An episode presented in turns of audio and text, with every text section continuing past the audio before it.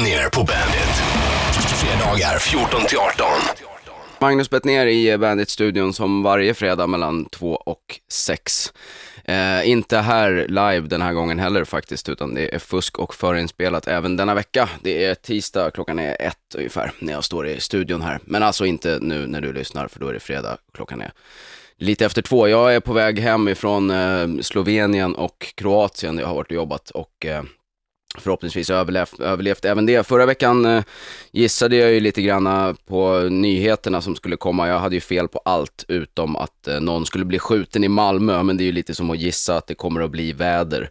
Den här veckan är i alla fall eh, ordningen återställd och rapporteringen i nyhetsflödet toppas av två halvdöda björnungar i en skidbacke. Men vi fick ju i alla fall en månad, eller kanske till och med två, med riktiga nyheter. Så det ska man väl inte klaga på. Nu är det ju första april också, så tidningarna har väl sina jävla aprilskämt. En grej jag absolut aldrig har förstått mig på överhuvudtaget.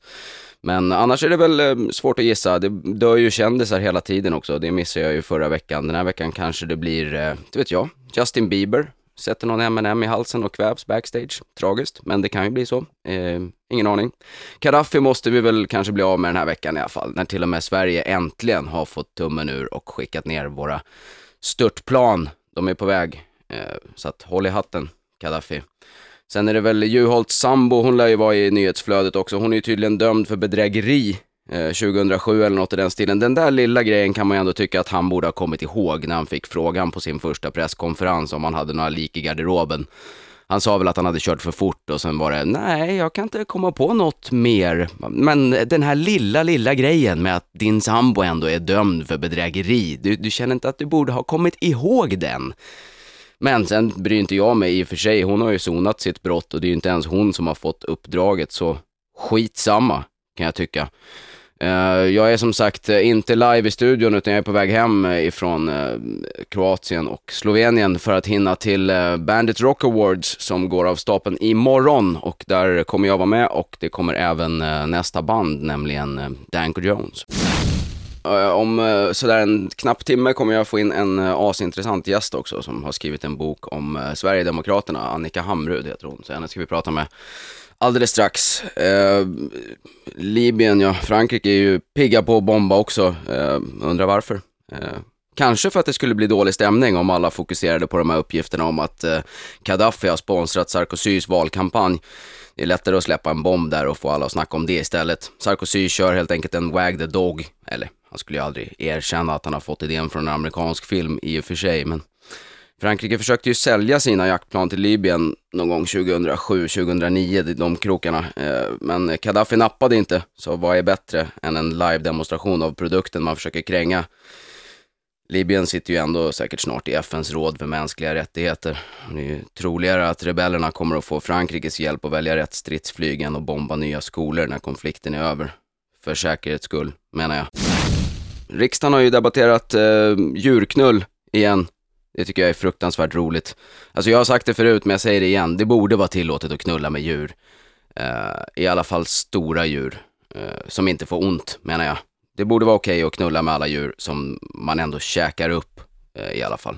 Stora djur som man brukar äta, de borde man få knulla. Jag fattar att det liksom är stötande tanke för folk, men en häst, kom igen, den lär inte märka om det kommer in 14 centimeter drängpitt där bak. Vad, vad är det? det är äckligt. Ja, jag tycker att det är äckligt med husdjur överhuvudtaget. Jag tycker det är äckligt när folk sitter med sin hund på tunnelbanan och pussar på sin hund. Jag tycker det är äckligt när folk har så katter och klär på den en kavaj och djur borde egentligen vara förbjudet där människor bor. Men så länge det inte är det, då tycker jag gott att man kan få knulla med djuren också. Stora djur alltså, som inte får ont av det. Det, det står jag för. Earth Hour flög ju förbi här för en stund sedan. Eh, I lördags eh, skulle vi ju släcka lampan för att det är viktigt att visa respekt för elektriciteten och energin. Jo då! Gör vi inte det bäst ändå genom att använda den, kan jag känna, inte strypa den i en timme. Det värsta med Earth Hour är väl inte det där att man sitter i skolorna och i turordning får redogöra för vad just ens egna familj ska göra på Earth Hour. Det har jag hört från flera elever i 11-12 års åldern. Det är, åh, vi måste berätta hur vi ska göra. Det värsta är inte att vi släcker, utan det är att vi släcker när det borde vara tänt en lönelördag på vinterhalvåret, är det någon jävla gång det ska vara tänt så är det väl för fan då. Berns var ju en av krogarna som deltog i den här släckningen förra året i alla fall, jag tror att de var med i år också. Då hade de nästan all el borta under en hel timme. Utom den som drev köket. Och eh, kassaapparaten verkade också funka av någon anledning. Alltså ska man nu släcka, då får man för fan släcka ordentligt. Släck skylten för nödutgången på bion, släck ner operationssalen på Salgrenska, landningsbanan på Arlanda så att det märks. Om det nu är så oviktigt med el att vi kan kosta på oss att vara nonchalanta och stänga av. Hela den här grejen är ju liksom ytterligare ett exempel på den här låtsas bry sig-prylen. Hela familjen åker till Thailand på semester och sen ska vi klimatkompensera det genom att släcka lampan en timme i mars. Det är ju en jävligt bra deal måste man ju ändå tycka. Nu har jag äntligen fått in min gäst. Jag säger välkommen till Annika Hamrud. Eh, hej. Hur är läget? Eh, oh, det, det är ganska bra förutom att det snöar. Ja, det är ju det är hemskt det här jävla vädret. Hoppas att det är bättre när lyssnarna lyssnar på fredag. Mm, det hoppas jag också. Vi får se hur det är. Du har, du har skrivit en bok om Sverigedemokraterna Mm. Som heter Svensk svenskare. Ja. Den är, eh, den är ju lite annorlunda i sin form än mot de andra böckerna om Sverigedemokraterna som har kommit eh, i och med att det är en, en reportagebok. Ja. Eh, Du åkte iväg tillsammans med din fru va? Ja. Och gjorde, följde med dem, hur länge då? Vi följde dem i princip från april till val, valdagen. Vi var på deras valvaka. Så i princip hela valupptakten Ja. liksom. Det var det.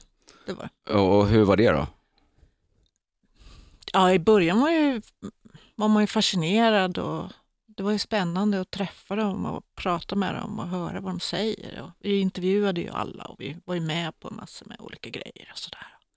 Så det är klart att det var spännande, fast det var ju det var sällan särskilt roligt. Nej, det är inga sköna, det är inga sköna killar privat heller, eller vadå? Nej, det var väldigt tråkigt för det mesta, måste jag säga. ja, och just killar, de har i princip inga kvinnor som är, Nej, nej, förstår man ju om man läser boken. Det, det, nej det är bara killar. Ja. Yngre killar de flesta. Och hur, hur tar de att det kommer två, två lesbiska tjejer och, eh, Alltså vi, vi platsar där som tanterna liksom. Vi är väl så pass mycket äldre än dem. Och så. Så att vi var ju lite, vi blev lite behandlade som morsor. var det kanske en fördel till och med? Ja, det tror jag. Ja. Det tror jag. Det är Ganska ett, oprovocerande att komma och, liksom, och vara lite tant sådär i förhållande till dem. Ja, Mm. men det måste ju varit en ganska skön eh, ingång. Det är liksom. ganska bra. Var det många journalister som, som gjorde liknande fast kortare för någon tidning och sånt där, eller var ni Nej, ensamma om den Det här? var väldigt lite. Det fanns ju ett TV tv-team som vi brukar träffa på. De gjorde ju den här filmen som visades i höstas, Ja. 100 dagar. De träffade vi på. Sen så var det bara enstaka, ja det var precis de här som har, som har skrivit mycket. Vi träffar Pontus Mattsson ibland, vi träffar Niklas Orenius någon gång ibland. Ja. Det var de. De har, de har ju också skrivit varsin, Varsin bok va? bok, ja. Mm. Men annars så var det ju inga, inte Men vad, vad, vad tror du, alltså, vad, hur känner man som journalist om man ska liksom bevaka Sverigedemokraterna? Känns det lite så här att det kanske är dumt att ge dem mer uppmärksamhet? Eller hur tänker man? Liksom, varför är det så få som gör det? Det var ju så före valet att det var ju flera tidningar som tog beslutet aktivt att de inte skulle bevaka dem. Varför gör man det? Är inte det väldigt märkligt? Eh, nej, det, det, det var ett medvetet beslut. De ansåg att all uppmärksamhet skulle vara bra uppmärksamhet då för Sver- Sverigedemokraternas sida. Så att det var ett, ett ideologiskt beslut. Ja. Jag tycker i och för sig att om man ger dem den typ av uppmärksamhet som ni gör i den här boken så visar man ju på att de inte själva ens har koll på sin väldigt märkliga politik. Och att de har så här, företrädare som tycker tvärt emot partiet ganska högt upp. Mm. Eh, Borde inte det vara någonting som är värt att rapportera till, till folk som läser tidningar? Alltså, det, jag tycker, jag, jag har ganska, jag tycker att det är lite konstigt som journalist liksom att, att ta ett beslut att man inte ska bevaka. Jag tror att man någonstans där ham- hamnat fel när man tänker kring det här med liksom konsekvensneutralitet. Då. Att då tror de att om man är objektiv så, så kommer det inte framgå eh, vad de står för så att säga. Men då tycker jag ju bara att då, då handlar det ju om att man inte är särskilt duktig på att förklara det. Man behöver ju inte, man behöver ju inte ta ställning, man kan ju, men däremot kan man ju sätta saker i ett sammanhang och förklara vad eh, vad nationalism är till exempel och står för och, Ja. och sådär. För jag, jag tror att vad som hände var ju att väldigt många i Sverige blev ganska chockade av att de kom in för att det hade inte stått i tidningarna. om- Nej, ja, jag, jag, det var ju min värsta dag i livet nästan tror jag. Vi ska snart snacka mer med Annika Hamrud. Pratar fortfarande här med Annika Hamrud om Sverigedemokraterna. Vi pratar precis om det här med att, eh, jag, att jag tycker att man borde beskriva deras politik bara och sen får folk eh, förstå att de har ju ingen koll på. Det var ju till exempel en eh, episod i boken med någon eh, ganska hög kille som hette Tommy någonting. Tommy. Hansson i Södertälje ja. Ja, Mm. som bland annat sa att han tycker att nationalism är en, en dålig idé. ja, det tycker han. Hur kan man vara hög företrädare, för, hög företrädare för ett parti som har nationalismen som absoluta grundsten och, och säga så? Han säger att han tycker om en slags sansad fosterlandskärlek. Ja, Och för övrigt har han varit internationalist i hela sitt liv. Mm. och, och de har inga problem med det liksom. De har så få människor så Jag att tror de tar... att de har problem med Tommy Hansson, det, det tror jag helt klart. Men eh, det är inte så lätt att hitta folk. Nej, det är också, en, på ett annat ställe i boken så står det också om när de är ute och värvar medlemmar i Södertälje tror jag det var, där, där det kommer en, en man har jag för mig att det var, som inte, som inte kan svenska Mm. och blir medlem i Sverigedemokraterna via tolk. Ja, Och Sverigedemokraterna har ju som, eh, som fråga att man ska kunna svenska för att få bli svensk medborgare. ja. Hur får de ihop det i sina huvuden? Blir man inte frustrerad när man hör såna där grejer hela tiden? Och liksom, Så eh, just när det där skedde så gick eh, då um, Jimmy Åkesson och Erik Almqvist förbi. De ville inte ha någonting med den här mannen att göra. Då och, visade de väldigt, väldigt tydligt. alltså, Ja. men, men varför? För i boken Men står det ju att han sen blev medlem. Ja, visst. Och de har ju inte då stadgar som säger att han inte kan bli det. Så att säga. Så att, Nej, men, men de tar glatt emot hans medlemskap Ja. ändå. Ja, så att det, men det är sånt där man önskar att tidningarna bara skrev om, vilka otroliga hycklare de är och vad märklig inställning till sin egen politik de har. men eh, den mannen blev ju då rekryterad på, på islamhatet. Han, han var en, en, en eh, kristen assyrier. Ja. Skulle du säga som har hängt med dem lite grann att det är det som driver dem eh, i, generellt, Sverigedemokraterna? Inte alla, det finns några då som driver det som hårdast. Och det är ju då främst eh, Kent Ekeroth. Han eh, har nog egentligen inte så mycket annat, annan ba, liksom. Och han, är, han är deras juridiska talesperson Ja. nu va? Ja. Och, Men sen finns det andra inom partiet som inte eh, är så engagerade i, i islamfrågan generellt, utan de, är, de anser att alla, att inga kulturer ska alltså, leva tillsammans, utan människor ska leva i olika, de har en nationalistisk ideologi, liksom djupt rotad, att eh, människor av, från olika kulturer kan inte leva tillsammans. Så att, inte så, de är, då säger de att de säger att de inte är rasister eftersom de då menar att rasism, det är två saker som de inte är. De tror inte på att det är på grund av gener och de tror inte på att eh, man har fött, eh, jo, den andra saken. De anser inte att olika folk står över varandra. De anser bara att man ska le- leva åtskilt. åtskilt. Ja. De är lika värda fast de ska inte leva tillsammans. Nej, eh, gener ska vi snacka mer om alldeles strax. Jag har fortfarande Annika Hamrud kvar i studion. Vi pratar om eh, Sverigedemokraterna. Eh, gener snackade vi om eh, för en stund sedan. Eh, det, är också en ganska kul liten grej i boken när Jimmy Åkesson snackar om sitt fisk, att han inte äter fisk. Mm. Och så säger han att det är något jag har ärvt från min farfar och pappa. Mm. Sådana där grejer är ju, det är, det är bara så kul. Det är massa sådana där små kul grejer där de bara säger en massa dumheter liksom. Det, det, det måste ju varit oerhört tacksamt att, att få skriva den där boken. Ja, vi försöker ju inte skämta med dem så mycket. Nej, men de skämtar ju med sig själva verkar det som. Mest hela tiden. Ja, ja. men vi- vilka av dem är det som är, som är min, min bild av, jag har inte träffat någon av de här gubbarna, men jag, min, Nej, du har inte det? Nej, nej. min bild av dem är ju att Jimmy Åkesson är ganska vass ändå. Eh, Jimmy Åkesson, vill jag ska beskriva honom? ja, gärna. Jimmy Åkesson är en fantastisk debattör. Eh, det finns nästan ingen som kan knäcka honom. i en debatt. Och eh, eh, det, det är som att folk, väldigt få debattörer har liksom avslöjat hans knep där. Och jag, ja, det, det är en utmaning för flera att verkligen studera hur han gör när han debatterar. Sen är han en halvbra talare.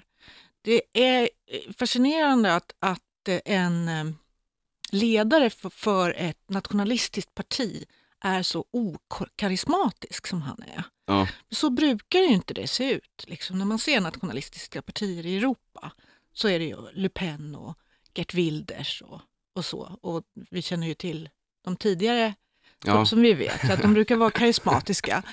Och, och så är det ju inte. Han har ju jäkligt svårt att få igång folk. De är oftast, det är oftast, det är svårt att få publiken att klappa.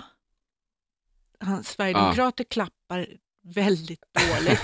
Sverigedemokrater, de kan ju inte hålla takt. Det är väldigt svårt att få dem att, att skratta på rätt ställe. Det är, inget, det är liksom inget drag alls. Det var ju lite, de hade ju börjat träna lite grann där. Eh, och så, som de sen körde på valvakan, alla hörde väl det här tja, la, la, la. Ja. Det var liksom intränat där då av ett litet gäng som, ville ha, som tyckte ändå att det skulle höras. Ja, de skulle lära sig mer av Ny Demokrati kanske. De, Ja. de var ju väldigt bra på De det och väldigt bra dåliga på allt annat. Ja, ja, men de, det var ju, det var ju, jag var ju såg dem, det var ju faktiskt ganska kul Ja. att se dem på scen. Det, det, var ju, det var ju show. Ja. Men det är det ju inte när Jimmy Åkesson pratar. Eh, och sen om man då tar, eh, pratar med honom och sitter och pratar med honom. Ja, vad ska jag säga? Alltså det är, han är snäll, liksom snäll och rätt så tråkig. En tråkig, snäll kille som inte är bra på att hålla tal. Ja, jag menar fast snäll, alltså snäll liksom. Snäll är att han ofta glömmer bort att han pratar med en, han, han gör något annat liksom. Han är alltid mycket mer intresserad av fotboll eller tennismatch eller någonting som han har i örat. Jaha, Mm. så, att- men, så det är ingen liksom, han sitter inte som Carl Bildt och upptagen med massa politiska rapporter på flygplanen utan han sitter och kollar på tennis. Ja. Ja, ja det är kanske lika bra det. De andra då, eh, Björn Söder och eh, Ekroth och de här, hur, hur är de liksom? Är de, Björn Söder är ju är trevligast. alltså, Alltså det var, ju, det var ju verkligen så att vi, var lite, vi drog lite grann på att be, boka in en tid med Björn Söder för han var ju den som hade liksom gjort sådana utfall. Vi, sen så var det faktiskt så att vi träffade på Gustav Fridolin som idag då blir utsedd till språkrör för Miljöpartiet. Han sa, han kommer ju också från Kristianstad där nere. Och då sa han så här, nej men Björn Söder han är en mysgubbe, teddybjörn. alltså, ja det är ju verkligen inte min bild. Jag, jag, jag tänkte att han var den galnaste nazisten i hela gänget. Men, Ja, men visst är det lustigt? Så säger Gustaf Fridolin det, liksom. han är ju om, ja, han är ju en myspojke då Ja. i sådana fall. Han kallar honom för Teddybjörn. Och sen när vi träffade honom så det var väldigt trevligt. Alltså. Det var väldigt trevligt. Det gick att prata med honom så här om saker som till exempel, det var ju mitt under, det var vid midsommar, så att vi, kunde, vi pratade om färskpotatis och sånt där. Och sill och, liksom, och hur vi såg fram emot det. Och han lyser och mm, åh vad härligt. Och så, här. och så skrattade vi tillsammans åt Jimmy Åkesson som då inte tycker om sill eller nej, tycker men han, bara om korv. han tycker om att grilla får man Han lära sig tycker i om boken också. grilla. Han Helst tycker flera om- gånger varje dag. Ja, och vi ska, vi ska snart prata mer om bland annat Björn Söder. Magnus Bettner är som sagt kvar i Bandit-studion med Annika Hamrud. Eh, Du och din fru åkte alltså runt och skrev den här boken tillsammans Mm. och eh, där är det också ett kapitel om hur eh, Sverigedemokraterna lite försöker komma in i HBT-rörelsen på, på, via, via fjolljollen Ja. Patricia. ja. Hur, hur var det? Liksom, hur tänker de där? Ex- ja, exakt hur de tänker vet jag inte riktigt, men jag, jag- min analys då, då det, den är att, att eh, det är, man får inga röster på att vara homofob i Sverige nu. Får man inte det? Inte tillräckligt många för de vill ha, de vill ha 30 procent. Ja, tror du att de kommer lyckas med det? Eller? Eh, nej, det tror jag inte. Nej, vad skönt. Det, det, tror inte jag heller, men jag har inte hängt lika mycket med dem som du har. Men det, det, det, det känns bara som en sån konstig svängning liksom att gå. Det var ju ändå inte så många år sedan som de var nazister eh, och hyllade Karl XII och hela det där. Det är ju, det är ju bara, vad kan det vara, 20 år sedan eller någonting sånt där. Och nu de anser plötsligt, så förstås inte att de kommer ifrån från det. Men det är sant att på, för 20 år sedan så fanns det bara en sån rörelse. Och nu finns det, ska man säga, det finns, eh, eh, de nationella har delats upp i olika grupper men de, de, Sverigedemokraterna tillhör ju fortfarande de, den nationella rörelsen. Det gör den ju helt klart. Och, men eh, väljarkåren är ju en annan. Alltså de som röstar på Sverigedemokraterna skulle ju inte välja något av de andra nationella partierna. nej. Alltså, är- det Det är är väl, det som är skillnaden. De har ju liksom lyckats att bli ett populistiskt parti i, i förhållande till väljarna. ja. Det är väl lite det som är problemet också, att ju mer skit de får, desto bättre blir det för dem om de är ett missnöjesparti. Ja, de är ju ett missnöjesparti det i, i, för väljarna så att säga. Ja. Men de som sitter i riksdagen, de är ju nationalister. Ja, men Mm. väljarna verkar inte liksom bry sig om det. Det tycker jag är väldigt märkligt. Även om man vill ha lägre bensinpris och vad det nu är så kan man väl liksom driva den frågan i ett annat parti kan man känna än just den här nationalistiska böghatande som nu helt plötsligt då tydligen har svängt och istället går på Patricia och, och bjuder bögarna på drinkar. Liksom. Det, Mm. Mm. och, och där säger ju också, jag tror att det är Jimmy Åkesson som berättar för er där att, att eh, de är väldigt starka i gayrörelsen. Något som jag tyckte var wow. Och sen får man läsa intervjun med eh, killen från QX Ja. som berättar att så är det inte alls. Nej, nej. Men så, så är det ju väldigt ofta att, man, att de, de säger sådana saker. Men det är inte sant. Det är inte sant alls. Är, de säger att det är, eh, de tror att, att, att homosexuella ska hänga på dem därför att islam ska vara farlig för homosexuella. Det är deras logik. De anser att det är så. Men eh, de som har varit aktiva i hbt-rörelsen har ju liksom kämpat länge och mot kristen fundamentalism och är kanske inte så rädda för att ta en strid till. Nej. säga. Om man säger så. Men, men Man, då, har, man har ganska, man håller flaggan högt just nu, liksom. man är inte så rädd. är det inte svårt, eftersom en del av deras, som bland annat i Södertälje har de ju de här kristna irakierna som de på Ja. något sätt så här håller, vi har visst invandrare i partiet och så här. Ja. Är det inte svårt att liksom få ihop dem med att nu helt plötsligt eh, tycka att, att HBT är bra? Liksom, eller Björn Söder för den delen som bara för några år sedan skrev rätt brutala grejer om Pride-festivalen och jämförde homosexualitet med djursex och sådana Mm. där grejer. Hur, Ja, det, det kan inte jag förklara hur de bär sig åt för att få ihop det. Nej, men Nej. de får ju ihop det. Det är det som är så jävla konstigt för, Mm. för mig. Att, Mm. att läser man en sån här bok som, som eran så fattar man ju att de, det, det, det är så otroligt spretigt och det ljugs till höger och vänster och sen är det någon på nästa sida som bara berättar att nej, så här är det inte. Och det är grejer som är lätta att kolla. Mm. Varför, varför skrivs det inte mer om det? Liksom? Nej, men jag tror, jag vet inte, man orkar väl inte bara lyssna på, man orkar inte läsa så många sådana artiklar. Nej, är det så att deras eh, kärnväljare inte... De bryr sig inte Bryr om sig det. Nej, det tror jag inte. Nej. Men jag tror, att, att, eh, jag tror visst att de vinner röster på att bli mer, mindre homofoba. För att som det är nu i Sverige så är det liksom Melodifestivalen och, och där är Jonas och Mark och så. Va? Och det är en del av, av, av det folkliga. Ja, Liksom. Det, det, Ja, ja det, det, men det, de har ju också, verkar det som, en, en på något plan väldigt uttänkt mediastrategi, fast de samtidigt verkar helt dumma i huvudet, så har de ju så här, vi, vi ska komma med några välplanerade utspel. det finns några som är väldigt, väldigt begåvade. Ja, vilka är det då? Vet du det?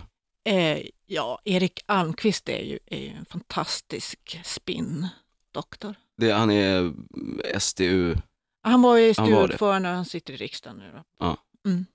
Och jobbar som någon pressgubbe då, eller? Nej, nej, han är, han är riksdagsledamot. Ja. Ja, han är, Men han styr lite av deras mediastrategi, eller är det så det funkar? jag tror, jag tror det.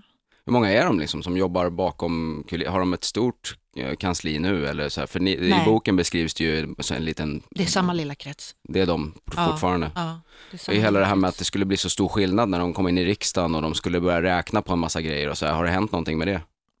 De har inte de resurserna. Nej. De är inte fler, de är bara de som de var förut och de har flyttat till riksdagen allihopa och sitter i riksdagen. De har inte fått ihop några tjänstemän eller något kansli. Och dessutom har de ju då utarmat alla kommunerna eftersom de ju flyttade därifrån. Så de har, de har svårt att fylla stolarna det här valet också. Ja, ja. För Ja. Förra valet var det ju ganska många stolar av deras som fick Ja. stå tomma. ja. Nej, men det, det är klart att det blir ju ändå bökigare ute i landet nu när de här ledarna har flyttat till Stockholm. Det ska vi också prata mer om alldeles snart. Vi pratar Sverigedemokraterna. Du har skrivit en bok som heter Svensk svenskare. Svenskar är ett reportage om Sverigedemokraterna. Och den kan man få tag på, var då? Bokhandeln, lättast på nätet kanske beställa. Går Ja. att ladda ner också. Vem, vilket förlag? Optimal förlag. Vad bra, då vet, då vet lyssnarna var man ska hitta Ja. den boken. Jag, jag tyckte det var oerhört intressant just för att man får sådana här massa små kul grejer som de säger, verkar säga hela tiden, bara så här dumma grejer. Och sen är det sådana grejer som, som de verkligen har gått på rätt hårt med, att, som till exempel då att de skulle eh, räkna på vad invandringen faktiskt kostar. Det var ju en av deras största Ja. grejer innan valet, att när Mm. vi kommer in i riksdagen, då, Mm. har vi, då ska vi reda ut det här en gång för alla, vad det kostar. Har, har de, de har inte gjort det alltså? Alltså de, de var ju, det verkar som att de trodde att riksdagens utredningstjänst skulle bli deras riksdagskansli Ja, som skulle räkna ut allting åt dem. och det är inte så det funkar. Ja, alltså de, riksdagens utredningstjänst kan ju visst göra uppdrag, men, men det är inte riktigt så att de bara sitter där och har tid att göra och, och precis det. Nej. Alltså man, det är inte säkert att, det är mycket möjligt att de har beställt upp grejer från dem, men att de inte har gillat det som kom därifrån och därför har vi inte fått reda på det. Nej, men kan inte riksdagens utredningstjänst gå ut med det då? Nej, det gör de inte. Det, Det funkar inte på det om ett viset. annat utan, parti begär och kolla vad de har, vad de har begärt. Nej, utan varje parti kan beställa en tjänst från dem. Men man behöver ju inte presentera det som de har gjort. Nej, okej, men jag tänkte med, för vi har ju ändå en ganska långtgående offentlighetsprincip i Sverige, att allting egentligen ja, det, det har jag inte koll på, men det, så är Borde det gå. säkert att man kan få fram dem. Ja, visst. Får skicka Visst. det som en uppmaning till de andra riksdagspartierna. Koll- Ring och kolla. kolla vad de har beställt. Jag vill veta siffrorna, det vore kul. Ja. Du, eh, jättestort tack för att du eh, kom hit och eh, som sagt boken heter Svensk svenskare och finns att köpa i bokhandeln. Ja. Tack för att du kom. Jättebra. Tack så mycket. Så här skrev Peter Wolodarski på DNs ledarsida för en stund sedan.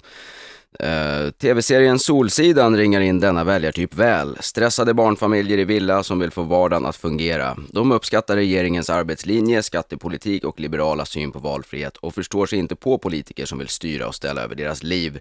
Fredrik Reinfeldts budskap är som skräddarsytt för ett Sverige där människor identifierar sig med Fredde, Mickan, Anna och Alex.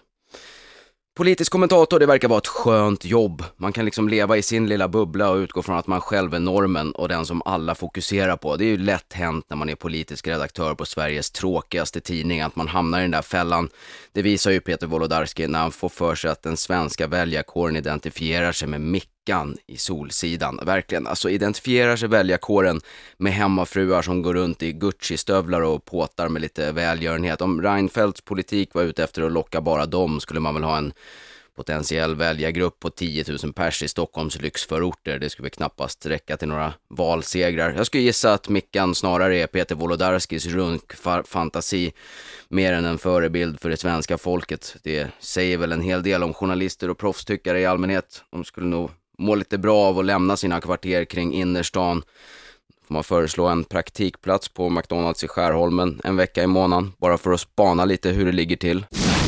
Brett Michaels, den fantastiska rockaren, han har ju stämt eh, Tony Award Productions och CBS eh, för att han slog i huvudet efter sitt eh, uppträdande på Tony Award 2009. Han ska ha fått en smäll av dekoren när han gick av scen. Jo, så står det i själva stämningen. När han skulle lämna scenen fick han en smäll av en del av scenutsmyckningen. Han fick uppsöka sjukhus med bruten näsa och ett jack i underläppen och sen sex månader senare så fick han en hjärnblödning och höll ju på att dö och han är ju helt säker på att det här var ingen tillfällighet. I stämningen så skriver han att hjärnblödningar oftast utlöses av en skada mot huvudet och att eh, det var liksom bara hans vilja och eh, önskan om att se sina barn växa upp som fick honom att överleva det här. Den vanligaste riskfaktorn för en hjärnblödning är väl ändå högt blodtryck, Eh, rökning och alkoholmissbruk om inte jag är helt felunderrättad. Känns som den här eh, rockstjärne-imagen som Brett Michaels vill bättra på genom att åka runt i en buss och leta brudar kanske är den rimligare anledningen för en hjärnblödning än att något jävla glitterornament på en galascen har hoppat på honom. Tydligen hade de varit otydliga i instruktioner om hur man skulle gå av scen. Alltså hur illa ställt är det med en rockare om man inte klarar att gå av scen? Hur många rockare finns det inte som har varit så fulla så att de nästan har varit döda och ändå lyckats undvika alla möjliga typer av bommar och ornament. Men tydligen inte Brett Michaels som väl ser en chans att få lite cash, förmodar att inte Poison ligger jättehögt upp på några listor och genererar royalties längre. Så får man väl ta till eh, någonting annat. Uh, Juholt, ja, jag vet om han fortfarande är kvar nu. Det här programmet är ju som sagt förinspelat så att han kan ju mycket väl ha blivit petad eftersom det har kommit fram en skandal. Äntligen! Tog rätt lång tid ändå tycker jag. Men nu har det ju som sagt gjort det. Men han klarar sig nog ur det, tror jag. Hoppas det i alla fall, annars blir det ju väldigt irrelevant att jag pratar om honom nu. Han har i alla fall pratat en massa om eh, social demokrati ända sedan den här första presskonferensen. Alltså inte socialdemokrati utan socialdemokrati vad fan är det, undrar man. Det verkar ju ändå som att han är allvarlig och försöker fylla det här begreppet med någon typ av innehåll. Man är väl social och gillar demokrati, eller något. Eh, troligast är ju att han faktiskt bara har särskrivit partinamnet och vägrar erkänna felet. Eh, blir en tuff eh, valrörelse kanske mot center, parti, Folkparti och de andra. Juholt har ju sagt att skolan behöver förbättras och det verkar ju lite som att han talar av egen erfarenhet. Eh, han skrev ju också på Aftonbladet, hade någon chatt med honom och då pratade de om HBT-rättigheter. Och eh, då säger han att det är viktigt och avslutar med I want back down. I want back down. Det är uppenbart att det går lite trögt med den här nystarten i partiet. Uh, uppenbarligen eh, har man redan skaffat sig en handfull yes-män kring partiledaren där ingen vågar be honom sluta med engelskan. Won't och won't. Hur var det nu? Vilket är vilket här? Eller med tanke på hans linjetal uh, kanske det är korrekt. Han vill backa bandet, helst 30 år till en tid då apoteket stängde innan de hade hunnit öppna och en triangel i ena hörnet indikerade när tv-program började i den andra kanalen och fri radio bara sändes eh, från en källarlokal hos SAF. Men även om eh, det är det han menar, I want back down, så är ju meningen totalt undermålig och felaktig rent grammatiskt. Så att som sagt, man fattar ju att han vill satsa på skolan. Vänsterpartiet och sossarna, de eh, har kommit med ett förslag nu att man ska förbjuda sexköp utomlands. Man ska alltså inte kunna ta färjan till Riga eller planet till Bangkok för att köpa ett samlag, säger Vänsterpartiet. Vi måste ta vår sexköpslag steget längre så att den gäller även utanför de svenska gränserna. Nästa steg blir väl att vi tvingar svenska medborgare att handla alkohol i butiker som ägs av staten när de är på semester. Och då får ju de butikerna naturligtvis inte vara öppna på söndagar heller. För hur skulle det bli om man åkte utomlands och krökade när man inte kan kröka hemma? Dessutom talas det ju som vanligt bara om män som köper sex av kvinnor. Alla kvinnor är lika skyddsvärda oavsett vilket land de bor i och detta bör framgå av lagstiftningen, säger vänsterpartisten Lena Olsson som sitter i justitieutskottet. Okej Lena, alla de här äh, rödvinstanterna som åker till Gambia och köper knull, eller män som köper knull av män, räknas inte de? Nej, såklart inte, när vi pratar sexköp i Sverige. Kanske finns de som säljer sex frivilligt också, de pratar man ju såklart heller inte om. Självklart finns det ju människor som utnyttjas, det fattar jag också, men om man drar alla över en kam förutsätter man ju lite att det inte finns någon fri vilja överhuvudtaget. Att de som gör det här inte vet bättre. Eh, måste ju finnas ett grundskydd, absolut, men vi måste också komma ihåg att trafficking och prostitution, det är inte nödvändigtvis samma sak. Ungefär som att slaveri inte är exakt detsamma som att ha ett slavjobb. Whitesnake med en skön låt från tiden då petting var ens absolut största och mest centrala intresse. Det är härliga minnen på något vis, är det inte det? NASA har ju tydligen eh, gjort lite för lite sen de lyckades sätta en gubbe på månen eh, och sen fick de väl i och för sig hem Tom Hanks från den där trasiga rymdkapseln också men det kunde de ju kanske lika gärna ha skitit i. Men nu är det i alla fall dags att hitta på något nytt för NASA och då vill man sätta en man på en asteroid ja, en man såklart. Det är inte så troligt att NASA kommer lägga 700 miljarder dollar eller vad det här nu kommer att kosta på en kvinna. Men då riskerar man ju att stöta sig med republikanerna. Det är ju viktigt att nå liksom milstolpar. Skit i sjukförsäkringen, landet håller på att gå konkurs efter finanskrisen. Vad gör det? Skolväsendet har tappat i anseende, trupperna i Irak och Afghanistan kostar enorma summor skattedollars utan att ens ha lyckats hitta bin Laden trots att de har letat i tio år. De har inte ens lyckats bygga upp tornen igen. Men vi kan få en man på en asteroid! Som Bruce Willis i den här filmen som går på söndagar i reklam-tv. Känns vettigt att ösa ut skattemiljarder på det här. En asteroid vill man ju vara på. Vem vill inte ta en promenad på en rymdsten som i bästa fall passerar andra planeter utan att brinna upp i atmosfären? Bra att NASA lägger mycket amerikanska dollar på det här. Kosta vad det kosta vill. Vi vill kunna promenera på en sten innan den brinner upp. Tänk på allt som vi eh, förmodligen inte alls kommer att lära oss av det här. Ingen aning hur de tänker där heller.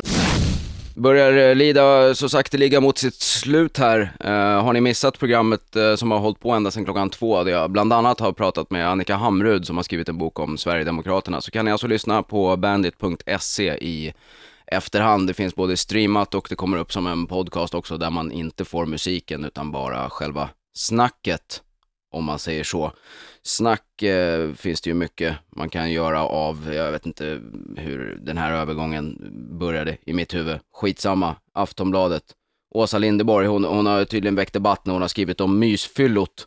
Han som alla diggar och bara super sig lite rund och rolig, tänk Plura typ. Han får ett tv-program där han går runt utan skjorta, tröja, tar sig en cigg och dricker ett par flaskor vin. Det är ju inget att gnälla över. Så borde ju alla ha det. Men så är det inte. Åsa, som nästan aldrig har rätt överhuvudtaget, har faktiskt en poäng. Det där skulle ju aldrig någonsin funka med en, en kvinna. Tror ni det? Seriöst? Tänk en tv-serie där vi får följa Anette Kullenberg som står i köket, röker cigg, dricker vin, iklädd bara bh. Det skulle bli ramaskri.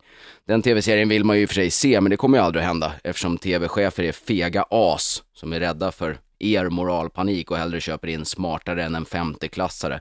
Vad är det för jävla program? Alltså vem kan inte de där frågorna? Jag fattar absolut ingenting, men det är mycket jag inte fattar. Kate Winslet ska ju tydligen samla in pengar för att hjälpa forskningen runt autism med hjälp av, hör och häpna, en bok där man har fotograferat kändisar i hatt. Jo då, den kopplingen är ju klockren. Fast typ 50 år efter sin tid. Pappersstrut för den som inte kan uppföra sig. Nu väntar vi på Stackabos kräftskiva till förmån för cancerforskningen. Eller att eh, Stockholm Marathon kommer skänka 50% av anmälningsavgiften till rullstolsbundnas riksförbund. Det vore väl en hit. Ner på fuck? Varje fredag 14 till 18.